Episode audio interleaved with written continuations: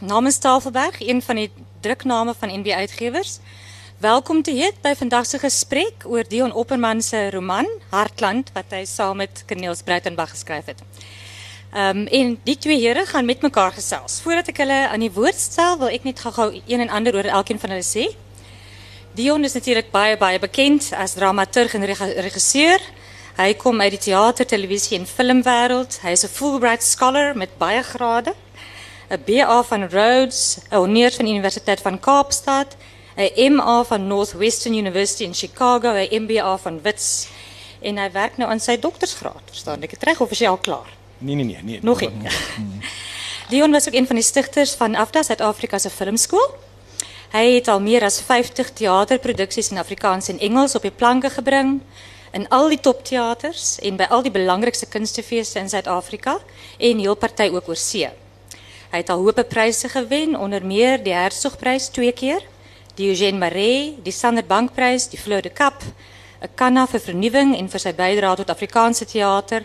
Agt Vita toekennings, die lys gaan aan en aan en aan. Hartland was 'n uiters gewilde TV familiesage word beskryf as 'n boere Dallas, die verhaal van drie Afrikaanse families. 'n Verhaal wat mense vasgenaal voor die TV gehou het. Corneels Breitenberg, hy gaan net nou vertel, hulle tweeetjies gaan net nou vertel hoe hulle by die boek uitgekom het en van die maak van die boek. Maar Corneels is natuurlik bekend en geliefd as oud uitgewer, as skrywer, kunskenner, verder terug ook joernalis en kunsbladredakteur, koskenner, musiekkenner, lewensgenieter, storie en grapverteller. Corneels het saam met Dion en Hartland gewerk om die verhaal om te skakel in 'n ander medium, die van roman.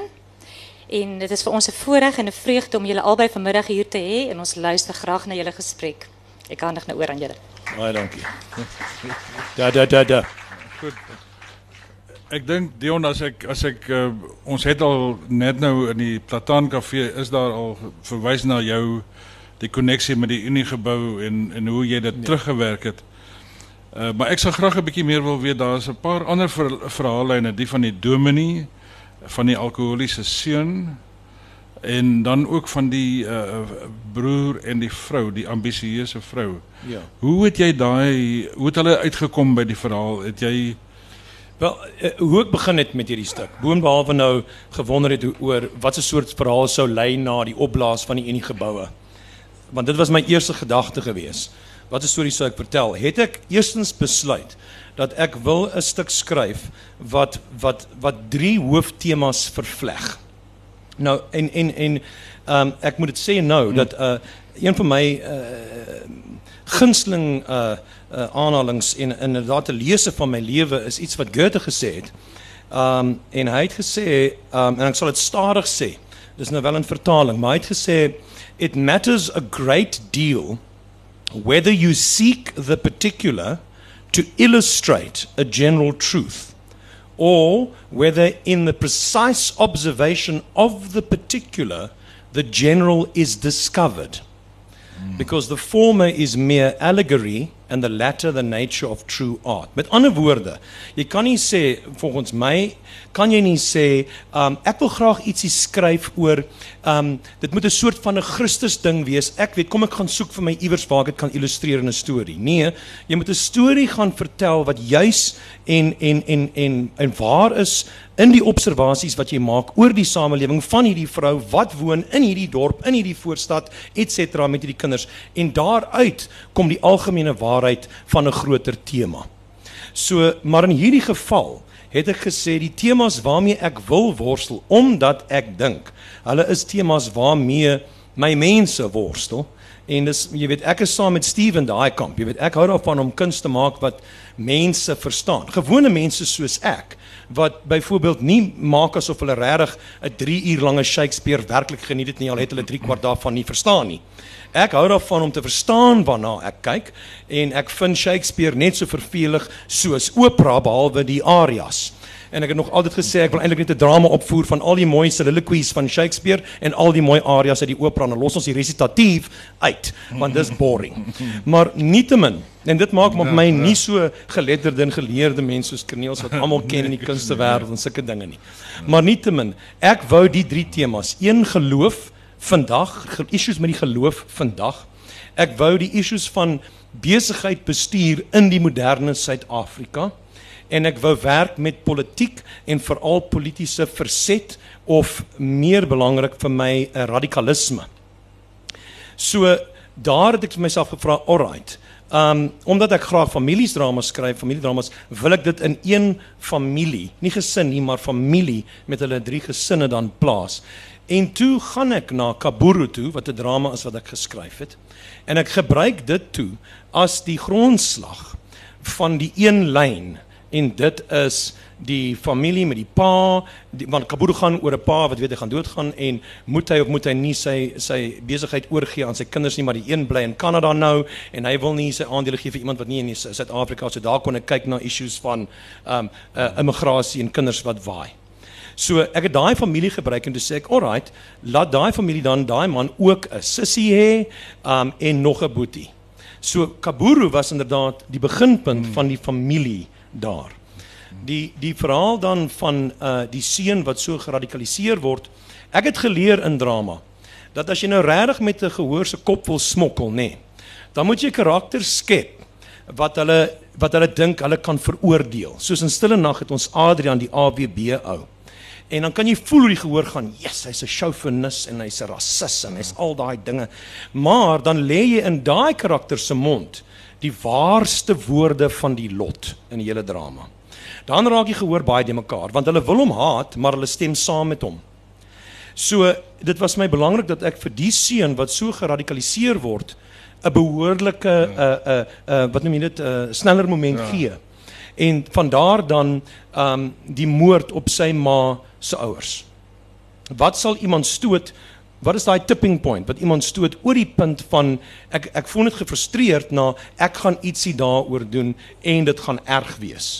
So daai lyn wat iemand skryf van ek ek wil ek wil daai ou vermoor en ek gaan daai ou vermoor. Ons het almal gedagtes baie keer van iemand doodslaan gaan deur 'n egskeiding en jy sal daarvan weet. Maar maar die feit bly staan dat jy gaan nie noodwendig oor en doen dit nie. En as daai lyn kruis, so daar kom die Ja, politieke ja. ding toe uit en dit was vir my toe baie maklike lyn om te trek van daar af tot by die opblaas van die Met die Uniegebou, ja. soos jy kan Ja. sien. En dan die geloofstorie, ehm um, ons weet almal die kerk het groot probleme vandag. Ehm um, ek persoonlik worstel al met die met met met geloof as 'n konsep vandat ek uh vir die eerste keer uh uh uh katekisasie bygewoon het. Dis ietsie waarmee ek nog steeds worstel vandag en ek weet die kerk is in in in 'n in 'n groot veranderingstydperk ja. sonder twyfel. Ja. En so het ek gereken is die meeste met mense met wie ek praat wonder ook ek meen geloof gaan oor wat gebeur as jy doodgaan. Dis waaroor geloof is. Dis op die ou end gaan jy doodgaan. En dis nie lekker om te dink jy gaan doodgaan en verdwyn nie. So geloof werk met daai issue. So dis altyd relevant. Ja. Ja. So Ja. daar is die drie temas toe wat uitgekom het in daai familie. En die en die ding vir my is uh, uh hoe dit dan op die op die doek uitgekom het. Uh jy sal onthou een van die heel eerste eposse wat ek vir jou geskryf Ja. het is dat ek nie kan agterkom waar hierdie afspeel nie. Die eerste Ja. tonele wat wat die kar aangery kom na Jan Silje se huis. Uh het jy vir my gesê is in die noorde van Johannesburg gedoen. Ja. Ek het weer toe ek dit sien toe dog ek maar dit kan dalk daar naby die Wilgers wees Ja. in Pretoria. Ja. En en dan weer die ander ene is die kerk uh waar Dominee Rudy nou die sy groot uh, geloofskrisis het. Is 'n wonderlike plek. Dit is die kerk waarin Beyers Nodee sy laaste preek gehou Ja, het as Aasvolkop, Afrika- ja. Aasvolkop. En so dit is eintlik in Johannesburg 'n grootste deel, maar jy kan dit nie agterkom nie. En omdat die die laaste sleuteltonele by die Unie gebou is en baie van die aksie daaromheen is, Kan dit net so het ek vir Dion gevra sal jy omgee as ons dit Pretoria maak en toe het ons die boek speel nou in Pretoria af en nie in Johannesburg waar baie van die visuele tekens is nie. Wel die ding is jy sien is dat die die, die boek speel af in die Afrikaner. Ja. En regtig waar die mense bly is nie vir my belangrik nie. Wat belangrik is is dat dit speel af in daai gemeente. Dis ek dis nie sewende laan nie. Ja.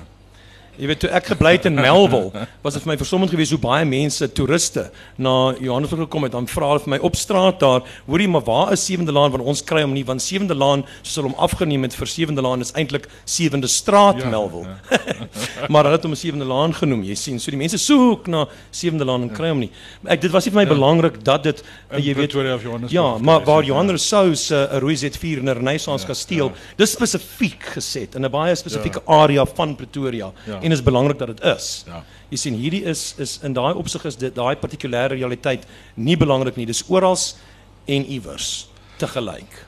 En ek het ook gedink, jy weet die hele die die die soort Afrikaner wat jy in baie van in dele van Pretoria kry, is baie herkenbaar in die Ja ja. in die stuk. Ek moet net noem uh, Maar jy kry hulle ook in Bloem ja en Kaapstad. ja, ja, ja. Hier in Stellenbosch Ja, veral. Ja. Uh een van die dinge wat vir my baie aantreklik was toe hulle vir my vra om die om die uh, reeks 'n roman te maak, was ek het die ek het die reeks gekyk destyds. Ja. En en nou ken jy die storie, jy weet waarheen dit alles gaan, maar ek kyk hom toe weer. En dan toe begin daar vir my die vraag ontstaan of ek nie nou my naam geweldig gat gemaak nie. Want hierdie ding is 'n bietjie bokant my. En ek onthou ek het 'n ek het ek het vir Dion vertel, ek het 'n vriend Herman Binge wat vir my al gewys het hoe lyk 'n televisiereeks as jy hom beplan, hoe hulle die borde so opsit in blokkies en die episodes en hoe dit alles uitgemap word. En ek het toe besef dat wat hierin sit is 'n jaar of meer van Dion Opperman se lewe wat hy in hierdie dinge gaan sit het. In die oomblik toe ons nou begin skryf en ek en die redakteur van die boek besef um, ons gaan moet verander aan die kronologie. Ons gaan van die episodes moet vat en kleiner dele bymekaar gooi om 'n ander soort van ding te kry terwyl jy daarom nog die kronologie behou. Toe kom ek agter maar dis nie net die skryf van hierdie ding wat goed was nie, maar die regie was goed. Ja, ja. En die aanpak van die hele ding en as enigiemand vir my vandag sê Dion Opperman weet nie wat hy doen nie, dan sal ek vir daai persoon besonder goeie woorde toevoeg. Dit is 'n ongelooflike gekonstrueerde verhaal baie verweef, baie verwikkeld en om dan prosa daarvan te maak is een van die lekkerste prosesse wat enige skrywer mee te doen kan kry. En eintlik moet ek vir Dion baie dankie sê daarvoor dat hy vir my weer goed gegee het soos Rudy, 'n dominee vir wie 'n skrywer verskriklik die hellen kan raak omdat hy so onnosel is. En sy seun wat hierdie wat hierdie geloofskrisis teen sy pa het wat God half verloon omdat sy pa vir hom gelieg het oor wat God se rol in die mens se lewe is en dan uiteindelik begin terugswaai en het, wanneer hulle mekaar weer vind in daai ongelooflike tonele daar in die, die laaste en vo, voorlaaste en laaste dan, episodes. op die grens. Dit was dit is magnifieke materiaal om mee te werk. En ek sit nou en wag hy is besig met sy volgende ene wat ons gaan reeks wat ons is die titel is nou weer Donkerland, Donkerland wat ons gaan in 'n roman ek kan nie wag nie jy, jy sien die ding is, dat ek gaan al altyd goeders uit my eie lewe om ja. om in hierdie stories te sit.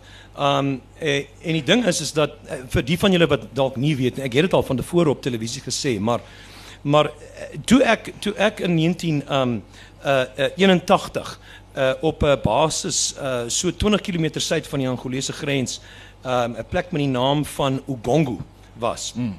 Dit was 'n groot sandwalbasis. Jy weet hulle stoot daai sandwalle dat hulle hoog is hoor.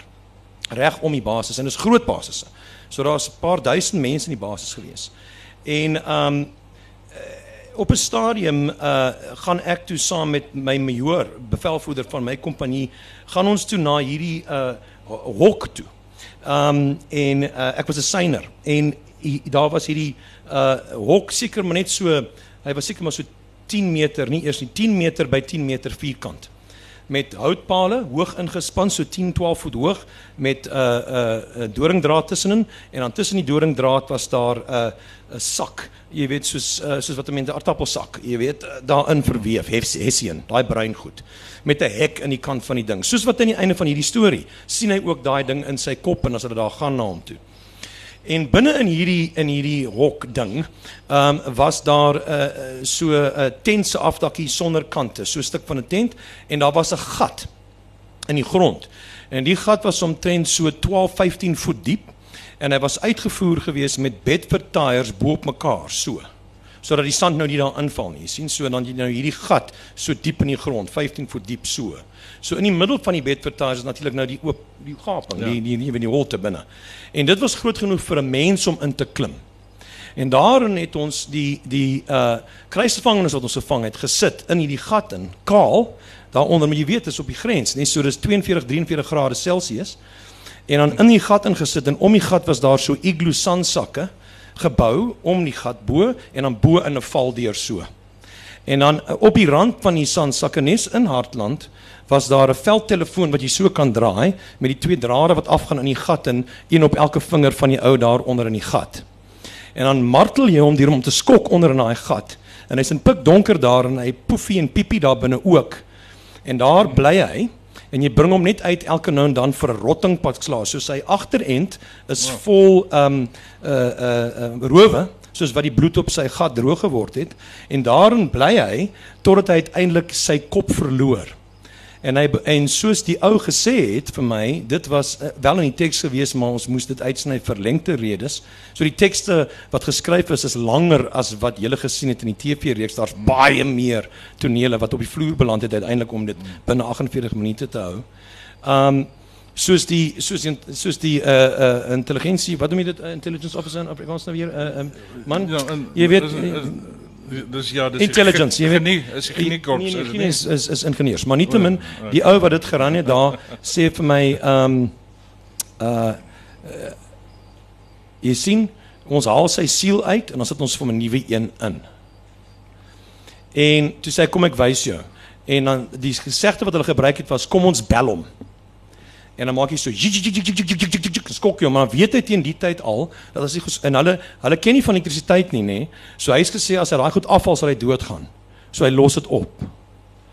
En dan dan lê hy hom so en dan haal jy daai val deur oop en dan wag jy en ek onthou nog eers keer wat ek dit gesien het kom hy stadig so op uit daai gat kom hier eers net 'n kop so uit. En toe kom hy kop so uit daai gat, hy kop en skouers so bo kan die gat uit en sy oë so. En daar's niemand daar nie. Toe gaan ek na die dominee toe, die kapelaan van ons uh uh uh eenheid en wat daar was in 'n tent. So van hier tot die einde van daar af weg van waar daai einste martelkamp was. En ek sê vir hom dominee, ek moet dominee praat. Ek het nou probleme hier, want ek sukkel om hierdie te vereenselwig met die boodskap van Christus en die Bybel. En toe sê hy vir my, hou op, vra vra troep en gaan doen jou werk in die naam van God. Hmm. Nou op daai punt het ek gegaan hier's 'n probleem hier. Nou in Hartland het ek laat die seun van 'n dominee daai dominee wees. Ek het laat daai dominee toe hy jonk was, daai eense kapelaan wees en die man ek wat hom kom opsoek na al die jare en dan sy deur klop en sê jy het my geloof by my gevat en ek soek hom terug. En net jy kan hom vir my teruggee want jy het hom by my weggevat. Want hy lê nou iewers in 'n gat op die grens begrawe.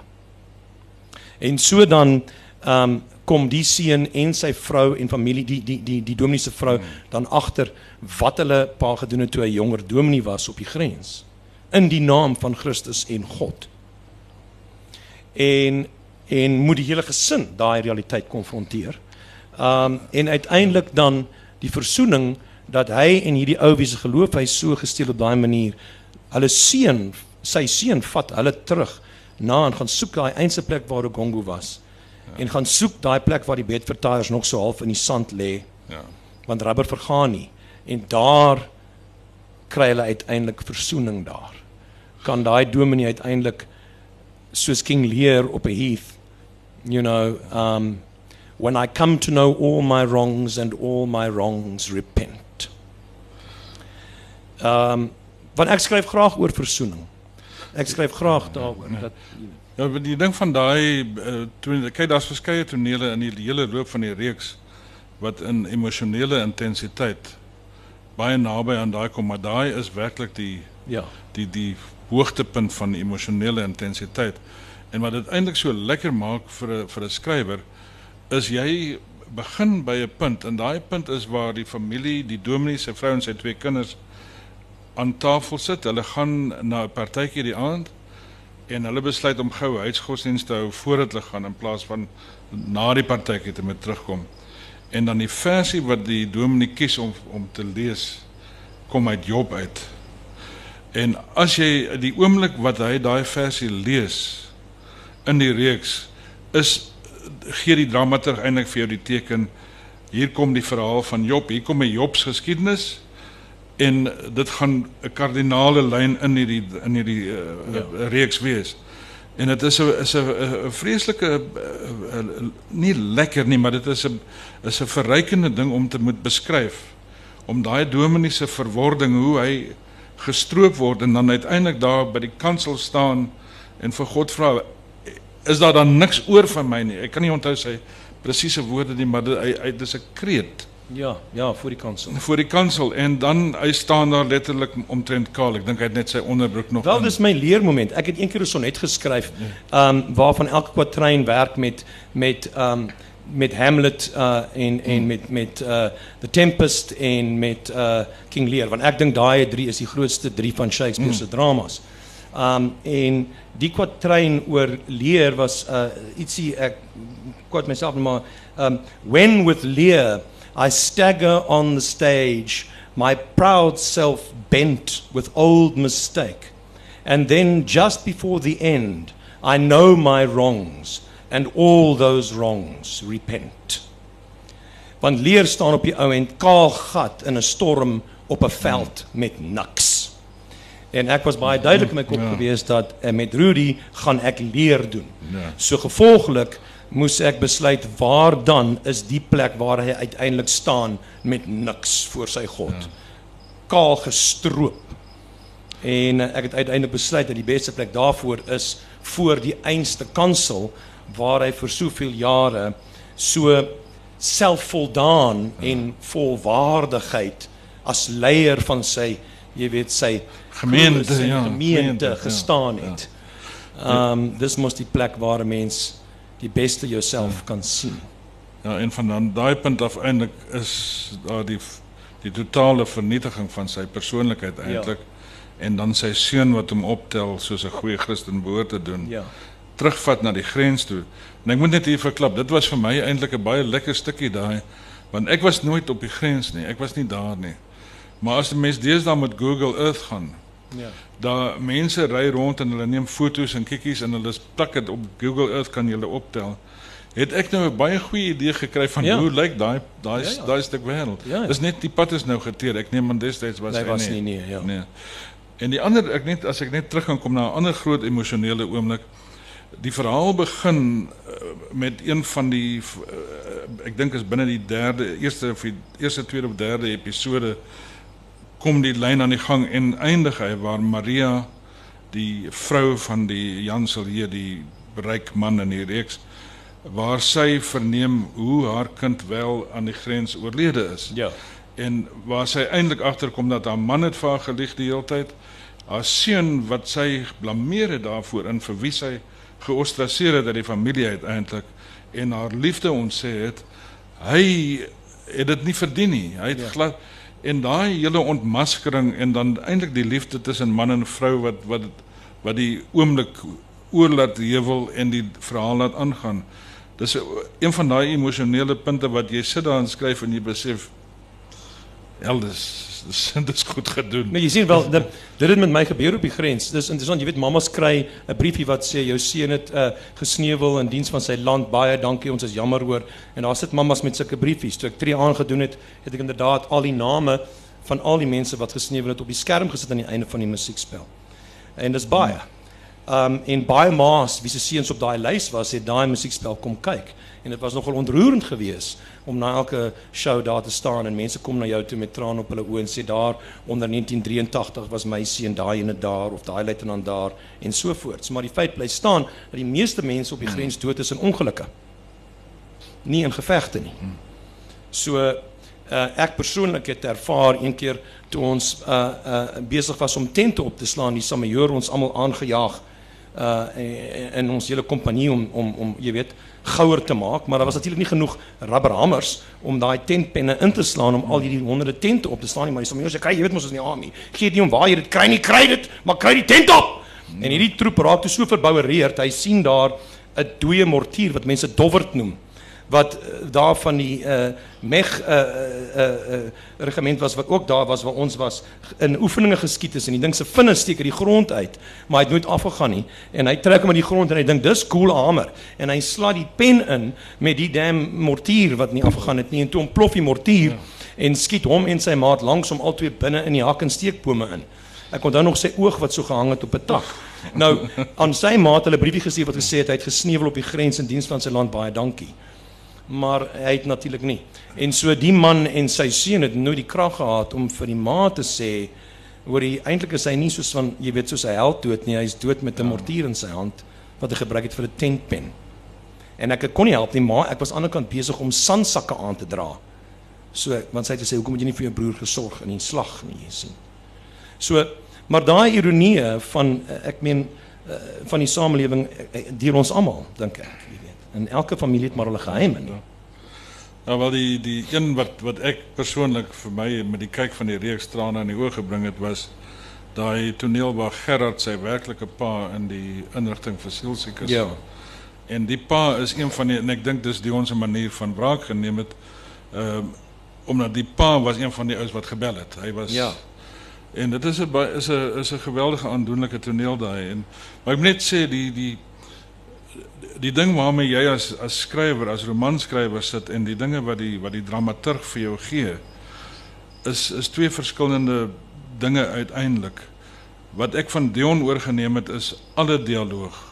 Die dialoog in die boek is soms aangevul deur stukkies wat ek bygevoeg het, maar alle dialoog in die roman self is Dion se dialoog uit die uit die televisiereeks uit al die ander beskrywings kom van my af en om 'n manier 'n huwelik te vind tussen daai twee Ja. is uiteindelik dink ek miskien die die roman kuns. Dit is hoe mense roman aan mekaar sit. Maar ek dink die emosionele inhoud van die verhaal, al daai dinge diep jy uit die uit die televisiereeks uit. En daar's dinge soos Maria se se oomblik van van kentering wat vir my baie beteken het, die toneel waar Gerard sy pa sien. En dan was daar twee ander. Die een die een het in die publiek 'n geweldige reaksie uitgelok en dit is waar die Louis van Niekerk en Marga van Rooyen wat die wat die oupa en ouma is van die kinders uh deur execution style doodgeskiet word tydens sy huisroof. Dit het gebeur met 'n vriendin van my se ouers. Dis hoekom ek dit gebruik het. En in die in die televisiereeks self is dit ek het dit vertel is dis 12 sekondes wat dis nie eens 12 Nee, sekondes is nie, ja. Wat jy wat jy dit sien as 'n as 'n as 'n flits terwyl iemand anders besig is om uh, sleutelwoorde, Ja. uh, slotwoorde van die hoofstuk te te praat. En so die publiek het gereageer op iets wat hulle eintlik nie gesien het nie. Ongelooflike reaksie. En dan die wonderlike ironie daarvan wat Dion waarskynlik nie voorsien het nie, maar wat wel toe uiteindelik so gewerk het, is dat een van die draaipunte in die roman self is waar Lizzie haarself naak aanbied vir haar neefie en sy is geweldig gereed om die avontuur van die lewe te begin met haar neef as as deelgenoot en sy oë staan net so groot as hy hierdie twee borsies hier voor hom sien en dan kom haar broer by die kamer in. Wel jy sien dit was 'n lekker net- net net 'n een paar- gedeelte geweest om te skryf daar. Ja. Jy sien ek was besig om eintlik goedjies uit my verlede klaar te maak. Ek het die mees fantastiese niggie gehad, Elizabeth. En jy weet ons almal begin maar met ons niggie se neefs, nê. En en yes, like sy was sexy. hoor. En en toe ek omtrent so 14 jaar oud was en jy weet as mens 14 jaar oud is, lees jy meer as net Tiger and Jack comics. En en en hulle het kom kuier Kersfees in Londen by ons. Hulle het gekom van die Vrystaat af. En hulle kom kuier Kersfees daar en hulle daar kom kampeer en alles, maar toe ons nou braai die dag by ons huis in ons Londen. En um, ek ek hardloop boontoe na my kamer toe om um, om iets te gaan kry. Ek kan nie onthou wat nie. Um, en sy het uh, waarskynlik dan uh, klaar geswem in die swembad en was besig om in my kamer sonder my wete te verklee om haar klere weer aan te trek. En ek stap in my kamer so in en hier staan sy poedelnakend. En ek dis asof ek teen 'n muur vasgeloop het. En ek sê skuis tog, skuis tog. En soos ek draai om weg te stap, sê sy moenie so vinnig gaan nie. Ek sê skuis, sy sê moenie so vinnig gaan nie. Ek sê nee nee, ek is so jammer, ek is so jammer en ek stap uit. En vir die res van my lewe het ek gewens ek het net 'n langer gebly daar. Jesus man. Jy weet, ek het gedink, damn, ek moes net vertoef het. So So toe het ek nou in hierdie storie, daai damn storie gaan klaar maak. Jy weet ek gaan Ja. daai ou vertoef 'n bietjie langer. Ja, dit was ek het dit met baie geniet, maar dan nog die natuurlik die ou wat dan die moeilikheid veroorsaak oor die paar sekondes wat hy iets gesien het wat hy nie gesien het nie. ja. Sy sy naam is Floy. Ja, vloei. En en en dis ek ken ek het 'n vloei geken in my Ja, my neefie was en, vloei, En ja. en daar's daar's vloeie mense, die vloeie die hele wêreld oor en dis altyd moeilikheidmakers. Ja. Ja, hulle is ja. ja. Ja. Nee, dit is Dion eh, van die ander karakters wat ek nogal belang gestel het om om 'n bietjie meer oor uit te vind. Is iemand soos Esther wat die besigheidskop het Jan se dogter wat Ja. Kanada toe gaan. Elna. El, ag Elna, ja, Elna, Elna, ja. ja. Het, is is daar ook 'n 'n figuur in die werklikheid agter haar of Nee, nee, Nee, nee, nee. daar dit was Kaburu. Elna kom direk uit Kaburu uit waar gekyk het na ehm um, uh die die hele kwessie van ehm um, bly of gly wat ons weet 'n groot issue is uh vir ons. Um, en so my niggie se naam is Elna, maar Ja. ek het dit net gebruik want as mens name soek raak jy nader aan so moeg vir name soek. Jy weet vir karakters, veral as daar baie karakters is. Um, maar uh maar nee, ek wou ook uh, 'n moderne vrou hê wat ja. jy weet wat geswat het, maar gekies het om kind groot te maak en nie regtig graag in die buiteland wou lewe nie, maar in die buiteland moes gaan lewe omdat haar man wou waai. Ehm maar ja, ek wil ook net ietsie anders byvoeg in terme van die prosa drama ding. Ehm weet jy dit was vir my baie interessant geweest om die boek soos hy nou hoofstuk vir hoofstuk geskryf is deur Kneels te lees. Want ek is nie 'n prosaïs nie. Uh, ek sal essays skryf, maar dis nie prosa nie. Um uh om 'n prosaïs te wees is heeltemal 'n ander soort talent. Uh ek is 'n dramaturg en ek skryf poesie ook, maar digkuns, maar ek hou van bondig saamgevat, so aan mekaar gedruk, uitgepers skryf. En as jy prosaïs is, moet jy dit regtig geniet om 'n hele paragraaf af te staan aan hoe die persoon voel of wat hulle dink terwyl hulle in daai oomblik daar sit en na iemand anders kyk. Dit is inderdaad die ruggraat van romans. Is nie net die verhaal nie, maar wel wat wat aangaan binne in die mense. Nou in die teater uh, gebruik ons 'n konsep vir die, die van julle wat nie weet nie met die naam subtext. En dit beteken dit wat alles onder die teks aangaan, maar wat nie duidelik gestel word in die dialoog en aanwysings in die teks nie, maar die gaan goeters aan. En ek gee vir julle 'n voorbeeld van hoe subteks gespeel kan word. In in um in uh, John Osborne se The Entertainer wat Olivier gespeel het mos daai karakter. Um daai karakter daar uh drink baie en en die drama speel hom af in 'n tyd toe uh die music halls besig was om mm. uit te sterf in Engeland. En die dialoog, ek gaan vir julle 'n voorbeeld gee van hoe 'n akteur subteks kan gaan soek. Die dialoog staan geskryf Archie's drunk again. Hy sit en praat met sy dogter en hy's lekker gesool en hy sê Archie's drunk again. Punt. Dis die stuk dialoog. Nou akteurs word opgelei om subteks te soek. So die akteur toe Olivier dit gespeel het, het hy dit nie gespeel soos geskryf nie. Archie's drunk again. Hy het dit so gespeel. Archie's drunk again. Nou, kan jy sien dit deur net om daai gaping daar te maak. Kom daar iets anders in.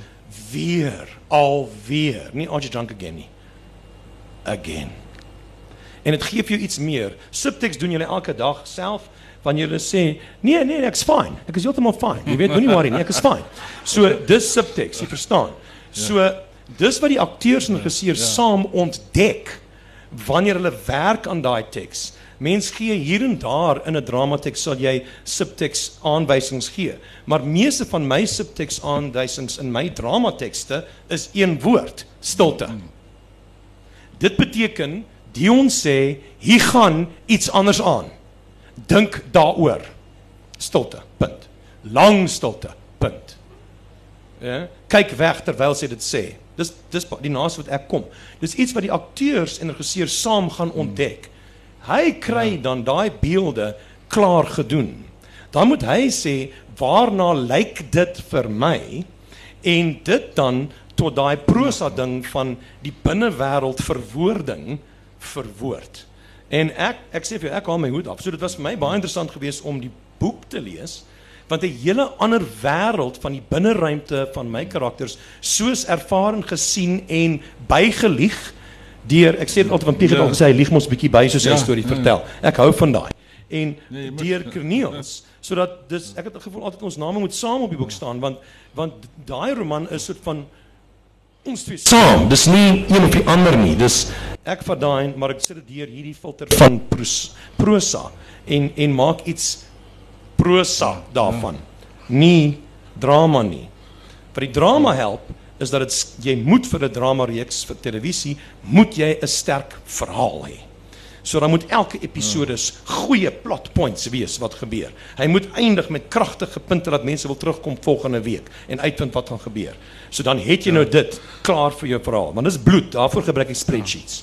Wel die, die ander deel daarvan is natuurlik dat daar is nie enkele oninteressante karakter in Hartland nie. Ja, ja, maar dis jou werk. En, en, en jy kan jy kan iets daaraan doen. Ander ek moet net sê my naam is nie op die omslag nie omdat ek toe hulle vir my vra of hy daarmee opkom toe was ek so vol helde be, bewondering vir Dion en vir vir eh, Gerrit Skoonhoof en dat ek het net gesê nee, jy kan maar sê ek het dit oorvertel, maar dis die mense wat hierdie ding geskep het en Dis wat hy sê, maar hy was bang dit was 'n flop en dan kan hy sê dit was Christian op hom. Ja, wel, okay. maar die maar dit is baie interessant. Mense, julle kan gerus as julle die die reeks in die hande kry, dit is 'n DVD, bietjie kyk na die hoe dit ooreenstem met die met die boek. Want daar was dinge in die reeks wat wat wat ek begin agterkom het dat hoe geweldige fyn regisseurs hand Ja, maar Gerrit Skoonhof, Gerrit ek meen is ja, ja. een van die beste regisseurs die land ooit gesien het. en uh, hy is wel iets spesiaals. Ek weet nie is daar enige vrae uit die gehoor uit? Yes, like chop stilte. Nee, nee, hier is like. Daar agter is een. Wag 'n bietjie, ons moet vir jou mikrofoon. As jy nou die boek soos wat jy ehm um, Corneels het nou gemaak het, as jy dit nou so soort van vir die eerste keer in die hande kry, sou jou sou jou jou uh, TV reeks anders gelyk het. Ek meen as jy dit moes verander het in 'n in 'n in 'n drama, weet in 'n TV teks. Sou dit 'n ander storie dan of sou daar veranderinge gewees het? Ja, ja, ja. Dis 'n baie interessante vraag. So as die roman eers bestaan het en ek hom dan verwerk het tot TV-reeks. Um dis 'n interessante vraag. Ek dink in hierdie geval nie. En die rede hoekom is omdat ek meen kyk, as dit as ek nog nooit van die storie gehoor het en ek lees die roman, sal ek hom altyd verander want 'n mens dit hang af waar jou kop is ja. wanneer jy so 'n reeks moet maak. Een van die grootste dinge wat jy moet verstaan wanneer jy 'n drama reeks skryf vir 'n televisie is jy het ernstige begrotingsbeperkings. OK. So jy kan nie net sê, um sny soontoe, dan hier en dan daar. Jy moet 'n sekere wiskundige benadering hê um tot hoeveel binne en buite tonele jy gaan hê byvoorbeeld. So um hoe los 'n mens daai probleem op? Ek gaan nou vir julle geheimpies weggee. Dan kan julle dan kan julle kyk daarna op um as julle volgende keer enige reekse kyk. Het enige van julle ooit die reeks Rome gekyk? Nou ja, nou julle sal sien wat gebeur in ietsie soos Kruispad of Donkerland. Ek het die idee gekry by Rome.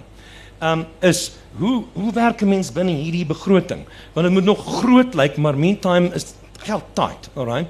So wat jy doen is, julle sal sien Twee mense praat. Ek het eendag 'n quote gehoor dat the whole destiny of the world is determined by a conversation between two people. Hitler praat met Stalin.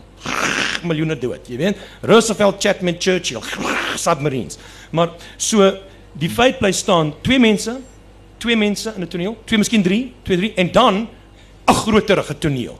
Buite buite buite en dan weer 2 2 2 2 2 3 2 3 2 buite groot klein 2 2 so en daai afwisseling laat jou ten minste 70% van die reeks maak met essensieel die gesprek tussen twee mense. Partykeer 3 of 4, maar dit affekteer jou roepe, nê? Want as jy een toneel skep met hierdie 4 mense, moet jy seker maak jy skep sommer 4 ander ook, dat dit 'n dag se skiet kan warrant. Anderster roep jy vir die dame om een toneel te speel uit 'n dag, maar jy moet 'n hele dag se salaris betaal. So as jy 'n skrywer wat vir TV skryf, sit nie net met hoe vertel ek 'n goeie verhaal nie, jy's ook besig om te gaan, okay. Ehm um, hoe vertel ek hierdie verhaal sodat dit die begroting optimaal uh, kan laat werk? Ehm um, dus letterlik gaan jy en jou jy gaan jy sê o, oh, ek kan nie net een doen op enige location as jy sê daar in daai plek, dan moet jy sorg dat daar genoeg tonele in daardie plek gebeur sodat dit die moeite werd is om al die kameras en beligting na daardie plek te neem. So jy werk met daai balle ook. terwyl jy probeer ook om 'n storie te vertel.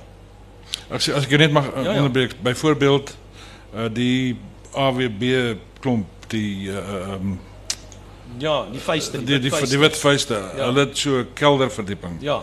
Jy sou al daai tonele min of meer in dieselfde tyd geskiet het. Hulle is almal geskiet een na die ander vir 2, 3 dae. al is hulle versprei oor hoeveel episodes? Ja, jy skiet hulle almal klaar. So ek wil net sê so dit antwoord na jou vraag te aan die kant, want byvoorbeeld Um ek dink nie dat Corneels sou miskien in in locations, jy weet ruimtes waar dit gebeur, so vas gewees het as hy vry was om dit enige plek. Dan sit 'n koffiewinkel hier en 'n straat daar en so voorts. Waar ek so dan daai roman gevat het en gesê het ek kan nie soveel verskillende locations hê nie. So ek gaan daai daai daai daai en daai almal in die sitkamer van daai huis laat gebeur. Ek gaan hierdie almal en almal en daar in die pub gebeur, die ploegskaar. Ek gaan hierdie alles et cetera so jy jy begin meer klomp byvoorbeeld. En dan sal jy moet miskien tonele uithaal of sê dis te veel of te lank of wat ook al die geval mag wees. Mm. Want as jy dit so lees, sien jy al daai prosa. Jy weet, ek, jy gaan haal ja. eers die prosa uit Ja. om te kyk wat die drama is wat daar aangaan, want die prosa is net warra warra, ja. jy weet. En nou soek jy net eintlik wat gebeur in hierdie storie. So dis wat jy moet doen met 'n roman, want jy hom omskep tot drama. Maar andersom, as jy 'n drama vat soos Donkerland en jy omskep hom tot televisiereeks, dan sit jy weer eens met 'n medium verskil, right? Theater gaan jy kan jy so gaan. Die wêreld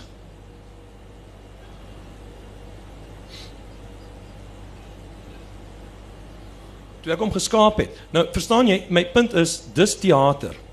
Film moet jy dit kan sien. TV moet jy dit kan sien. So ewe skielik op die verhoog kan jy na enige plek in die wêreld gaan in die verbeelding, maar of jy speel in 'n ruimte waar jy sit en jy verwys net, veral as jy 'n realistiese drama soos Donkerland skryf. Hulle praat van Majuba. Maar in 'n TV-reeks kan jy Majuba gaan wys. En so jy kan daai drama vat en moet die drama vat en ontplof tot meer ruimtes want soos Andre Bazin, die filmteoris gesê het, is cinema wants to look at what's outside the frame. As ons hier kyk wil hulle ook weet wat daar aangaan.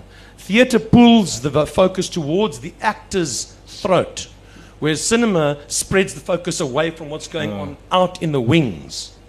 So ons wil sien, moenie so daarom is die gesegde in film don't tell me what is happening, show me. Nou wat interessant is van die prosa sprong wat ek opgelet het, is ons wys subtext in drama. But he can tell the drama because prosa is 'n vertelkuns.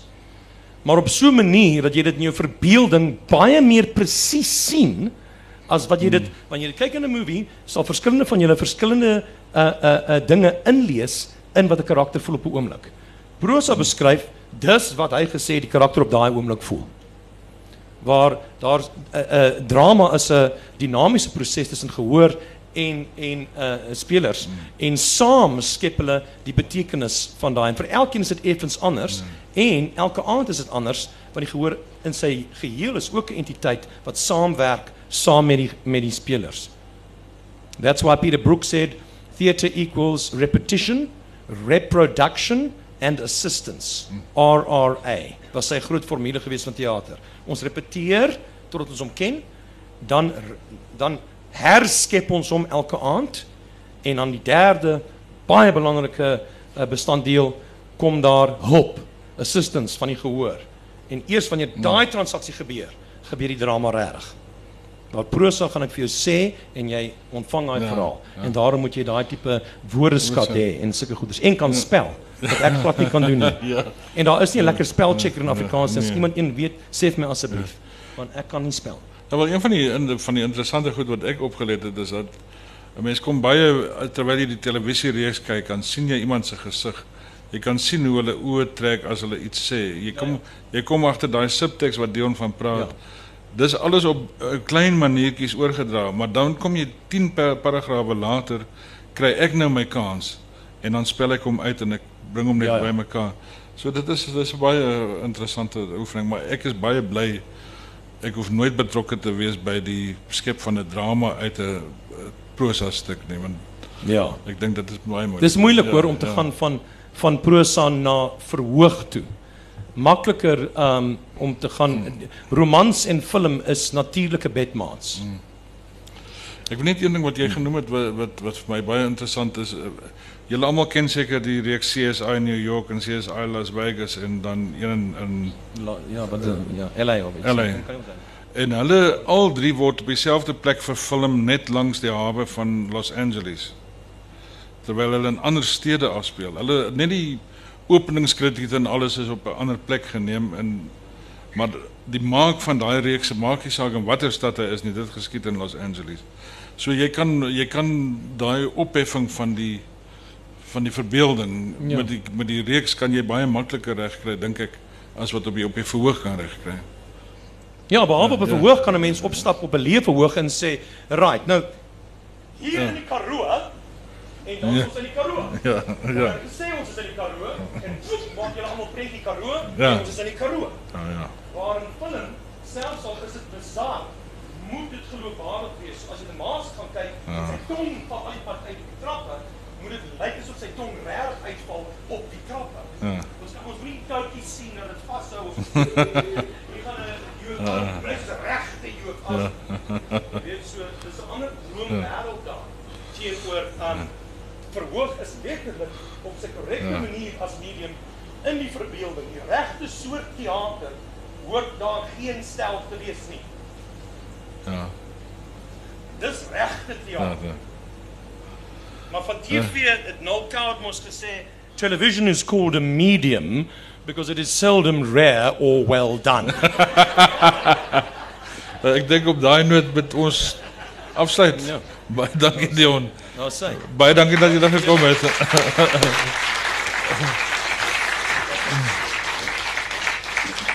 Baie dankie Kaniels en Dion, dit was heerlik. Ek, ek is seker almal het net ontsettend baie geniet soos ek. Dit was lekker entertainment ook nog.